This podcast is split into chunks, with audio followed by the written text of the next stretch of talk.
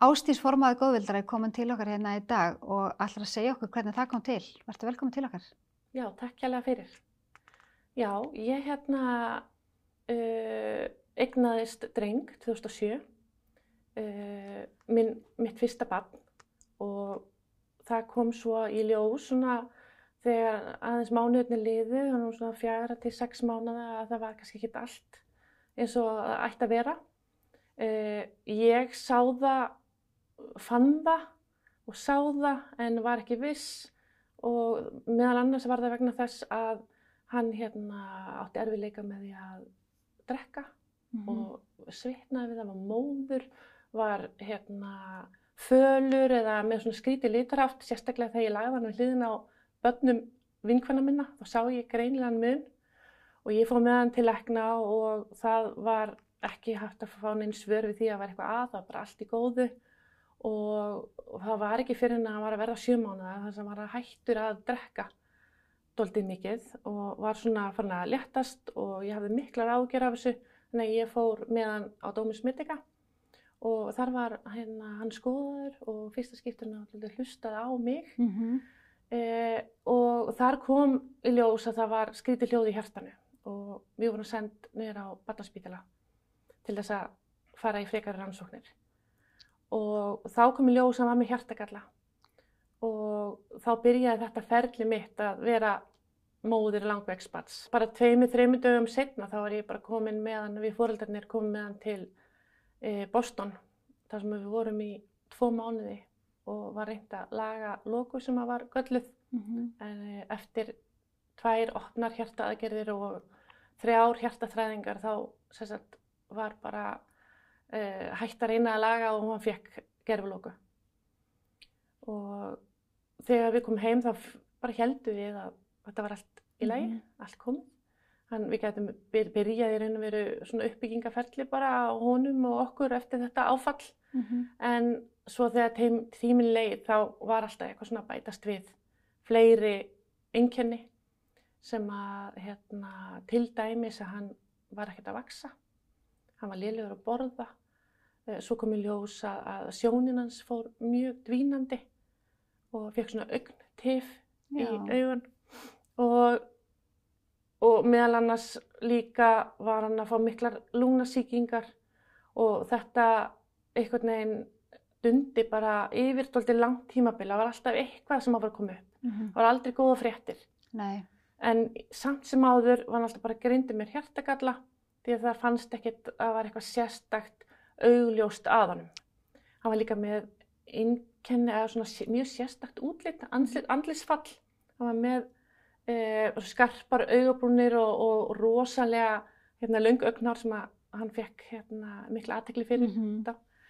E, þannig að það var svona nokkur enginni sem var púslit saman en samt sem áður var þetta eins og að hérna, mikil ráðgata fyrir læknana og það voru lækna teimi í bæði hérna Íslandi og í Boston á barnaspílunum þar og líka á hérna, Karolinska sjúkurhúsinu í Stokkólmi sem voru að leggja höfubleiti og reyna að finna út í hvort það væri eitthvað sem að væri að geta tengja saman þess að öll þessi ynginni í eitthvað eitt. Og, hérna, og það tók bara rosalega langan tíma. Og það var ekki fyrir en að hann var tæpla sex ára að hérna, erðalæknir hérna á Íslandi á samt hjartalæknum okkar fengu ykkur að hugmyndum að, að það gæti kannski verið þessi sjúkdómur og sendi þá hérna, blóð í ræktun erlendis og þarna teimum ánum eftir það þá fengum við niðurstur að það var sagt, þessi sjúkdómur. Hvað heitir þessi sjúkdómur? Hann heitir Geniofisic dysplasia og á þeim tíma þá voru einungi 60 börn í öllum heiminum búin að greinast með þetta. Kannski voruð fleiri, það er bara svo erfitt Já. að finna Greinast kannski seint. Já, greinast seint og, og þetta er náttúrulega hérna, það sjálfgæft að þetta er í líkuð, að mér hefur sagt að þetta sé eins og að leita í náli heistakki. Og að það finna út úr svona sjálfgæfum sjúkdömi oft á tíðum. Hvernig leiðir þegar þú fjagst fréttinnar af því hvaða sjúkdómur þetta er sem að, sem að hann hrjáðist af? Eh, það var náttúrulega mjög erfitt. Mm. Þetta var mhm. rosalegt áfall. Þetta var í raun og veru dóm, mjög harður dómur fyrir lítið barn ok, og líka fá að vita að það var í raun og veru engin lækning til. Þetta er ólæknandi sjúkdómur, lífslíkur mjög skertar ok, og hérna, hann er sex ára þegar þetta kemur upp, þannig að hérna, í raun og veru hálfu ári setna er hann látin. Og ég hef oft hugsað til þess, ef ég hefði fengið að vita þetta fyrr, já, það hefði það líklegast verið mér miklu erfiðara. Því að að vita það ekki, þetta var svona alvarlegt, mhm, uh, að því ég hafði alltaf eitthvað svona baróttu þrek og von um að myndi, þegar það myndi uppgötast, að myndi vera hægt að gera eitthvað fyrir hann. já, Þannig að ég raun að veru uppgötta þetta þarna svona seint, síðasta hálfa árið þá, það var engin von. Veist, ég, þetta var bara svona, það var engin lækning, það var ekkert framundan, þannig að það var rosalega högg. þannig að sorgaferðli byrjaði þá kannski bara strax við þessa greiningu.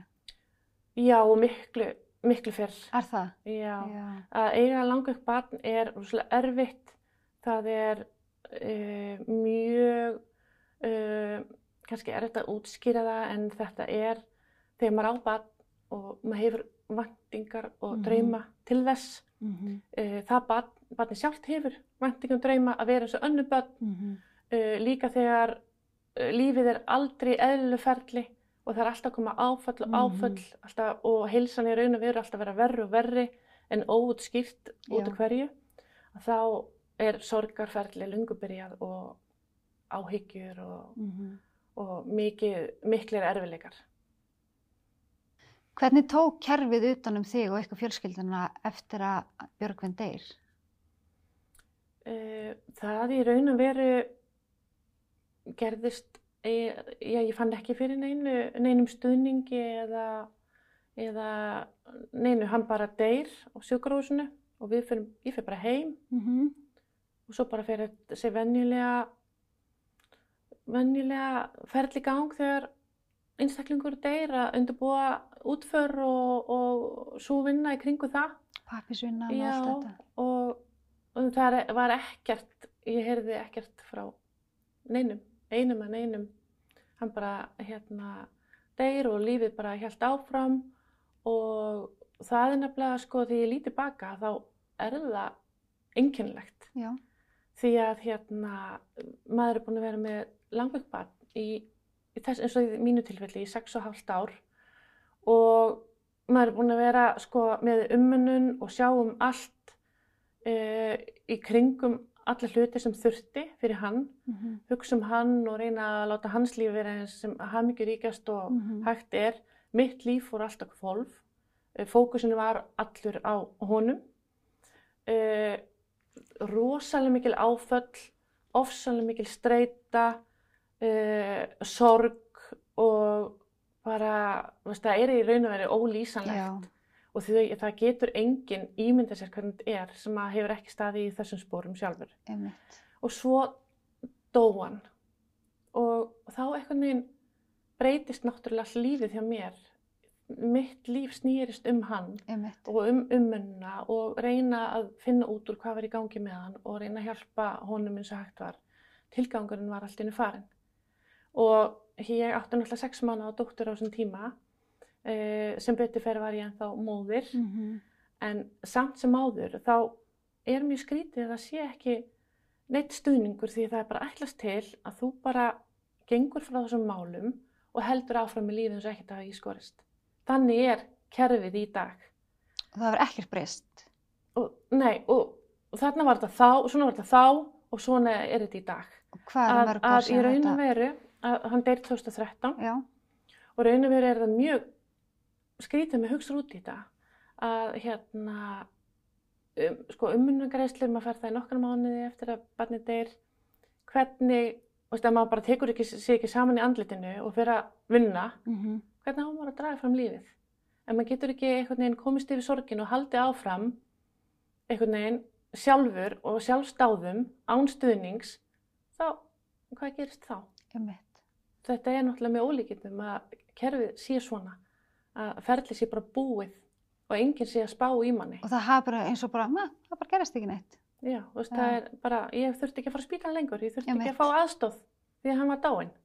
Akkurát. Þannig að þetta er eh, ekki í góðum málum og það er margt sem þarf að breyta í þessu ferli þegar ég til dæmis lítið tilbaka og fer yfir mína sögu frá því að hann bara greinist sjömanna með hjartakalla 2007 og á því tímabili sem að hann deyr 2013, 6,5 ás og hvað gerðist eftir á. Þetta er mjög einkennilegt hvernig þjónust og stöðningur við fóröldar langverka batna er og líka eftir að hérna, batni deyr er mjög einkennilegt að sé engin rammi sem er fyrir, sem heldur utan um fólk.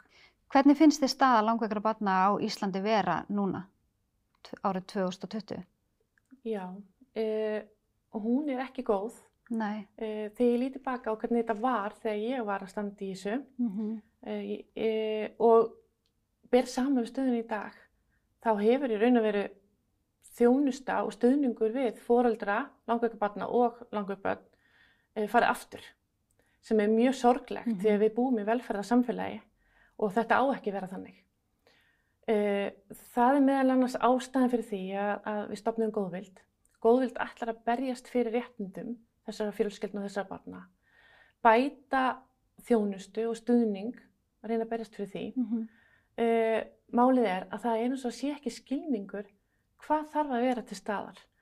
Og það er mjög alvarlegt að ráðamenn þessar lands og sem stýra heilbreyðsmálum taki ekki sérfræðingana að borðinu og hlusti á þá. Því að sérfræðingarnir í málefni langverka barna eru fóröldanir. Einmitt. Og þeir vita hvað þarf að vera betra og hvað er vöndun á og hvernig þetta þarf að vera. Og því er þetta mjög hérna, mikilvægt að okkar mati að, rattir fóreldra heyrist til þess að reyna að hrist upp í kerfinu, uh, ná fram breytingum því að þetta verður að breytast Já. til þess betra. Maður sér það líka bara, ef, ef ég tala við einhver fóreldri, langveiksbarn, það er allir í örmögnun, það er allir búnir á því. Það er of mikil ábyrg sett á fóreldra í dag, Já. það er oflítilt stuðningur, uh, það er líka eins og, ég er ekki að segja að þetta sé innfalt, Nei, þetta er mjög flókið. ef þetta var einfalt þá var þetta lengur komið í gegn. þetta sko, þjónusta og Mhm. stuðningur við langveik börn á Íslandi, þetta tengir sig inn á svo marga staði í samfélaginu. Þetta, eru, þetta er náttúrulega, þetta er spítalinn og það er hérna uh, þjónusta heim Mm -hmm. sem er reyndar búið að leggja niður núna, heimahugunum barna. Já, Það er greiningastöðin, það er uh, hvernig uh, sveitafélögin styðja við fjölskyldur langverka barna. Mhm. Þetta er út um allt mm -hmm. og því þarf að sá aðli sem að stýri hlutunum hvernig þjónustan er þarf að vita hvernig hún er í dag og hvernig hún þarf að vera einmitt. til þess að geta gert breytingar. Reynsla fóreldra er svona, finnst mér, svona það mikilvægasta til þess að ráðleggja öðrum. Er eitthvað svona sem þú getur ráðlagt fóreldrum í sömu stöð og þú hefur verið í, sem missa barnið sitt? Já, Mhm. það er náttúrulega fólki mjög mismunandi og það er líka skipti máli, veist, hvar ert þú stattur eða stödd þegar þú eignast barnið? Eh, Ertu, hvað ertu stödd í lífinu? Hvað ertu gamall, ertu, hvað ertu þroskaður, ertu búin að menta þig, ertu í vinnu? Og líka einnig uh, áttu eitthvað gott bakland til þess að hjálpa þér í gegnum þessa Mm uh, erfiðu tíma? Og þetta sapnast alltaf upp í just, hvernig, hvað ertu stattur þegar þetta kemur fyrir að barnið kveður? -hmm. og í mínu tilfelli þá hérna var ég búin að vinna rosalega mikið í sjálfu mér uh, þangað til að koma að þessu en auðvitað getur maður aldrei undirbúið sig almennilega fyrir svona hrikalega stund og óeðlilega stund í lífi foreldra að missa barnið sitt Já, En það sem að ég hérna, hjálpaði mjög, mjög mikið að, að var að ég hérna, mjög, mjög góð að. Eh, Ég hef alltaf átt mjög gott með svefn. Það held ég hafi bjargað mér í gegnum allt. Því að það veit það hver maður sem er með mikla áhyggjur og getur ekki sofið að hann getur orðið vitlis. mm Uh, einnig fannst mér mjög gott að á þeim tíma sem að ég er að ganga gegnum þetta er var, hérna, sorgarhópur hjá leiðaljósi sem að var stuðningsmiðstöð fyrir fóldra langveika barna. Að hérna, ég fór í þennan sorgarhóp og, og gætt þar tala við foreldra og bara setjum við hliðan á þeim sem að hjálpaði bara mjög gott að vera í sama herbyggi og einhver sem að hefur gengið gegnum nákvæmlega sama og ég sjálf var að ganga gegnum og það hjálpaði mér mjög mikið. Þannig ég tel að það sé mjög mikilvægt að fólk hafi þennan vettvang til þess að hitta aðra fóröldra og deila með sér, deila reynslu og fá stuðning frá Er þeim sem að einhver sorgarhópur til núna fyrir? ekki svo, ekki svo ég viti. Er ekki bara spurninga góðvild stofni sorgarhóp? Jú, því ég held að það sé alveg á listanum hjá okkur að gera það. Mm Sko í dag er góðvild með Mhm. hjálpalínu, það sem að er verið að aðstóða fóröldrunarlega barna með svona dagleg mál sem þau þarfnast aðstóða með ásamt því að veita þeim sálgæslu. Einnig erum við með hagsmunahóp sem er að berast fyrir réttundum. Uh, við erum líka í öðrum verkefnum, alls konar verkefnum sem við erum að styðja og styrkja og svo náttúrulega með þetta spjall mm -hmm. þar sem mhm. við erum að lifta upp málefnum langveikra barna í, í okkar samfélagi og þetta væri mjög góð viðbútt að bæta við að hafa sorgarhóp. Góðild er að gera frábæra hluti og vonandi fyrir við bara að fara að sjá einhverja breytingar í málefnum langveikra barna á Íslandi. Takk fyrir að koma í spjalli. Takk fyrir, takk á mótum mér.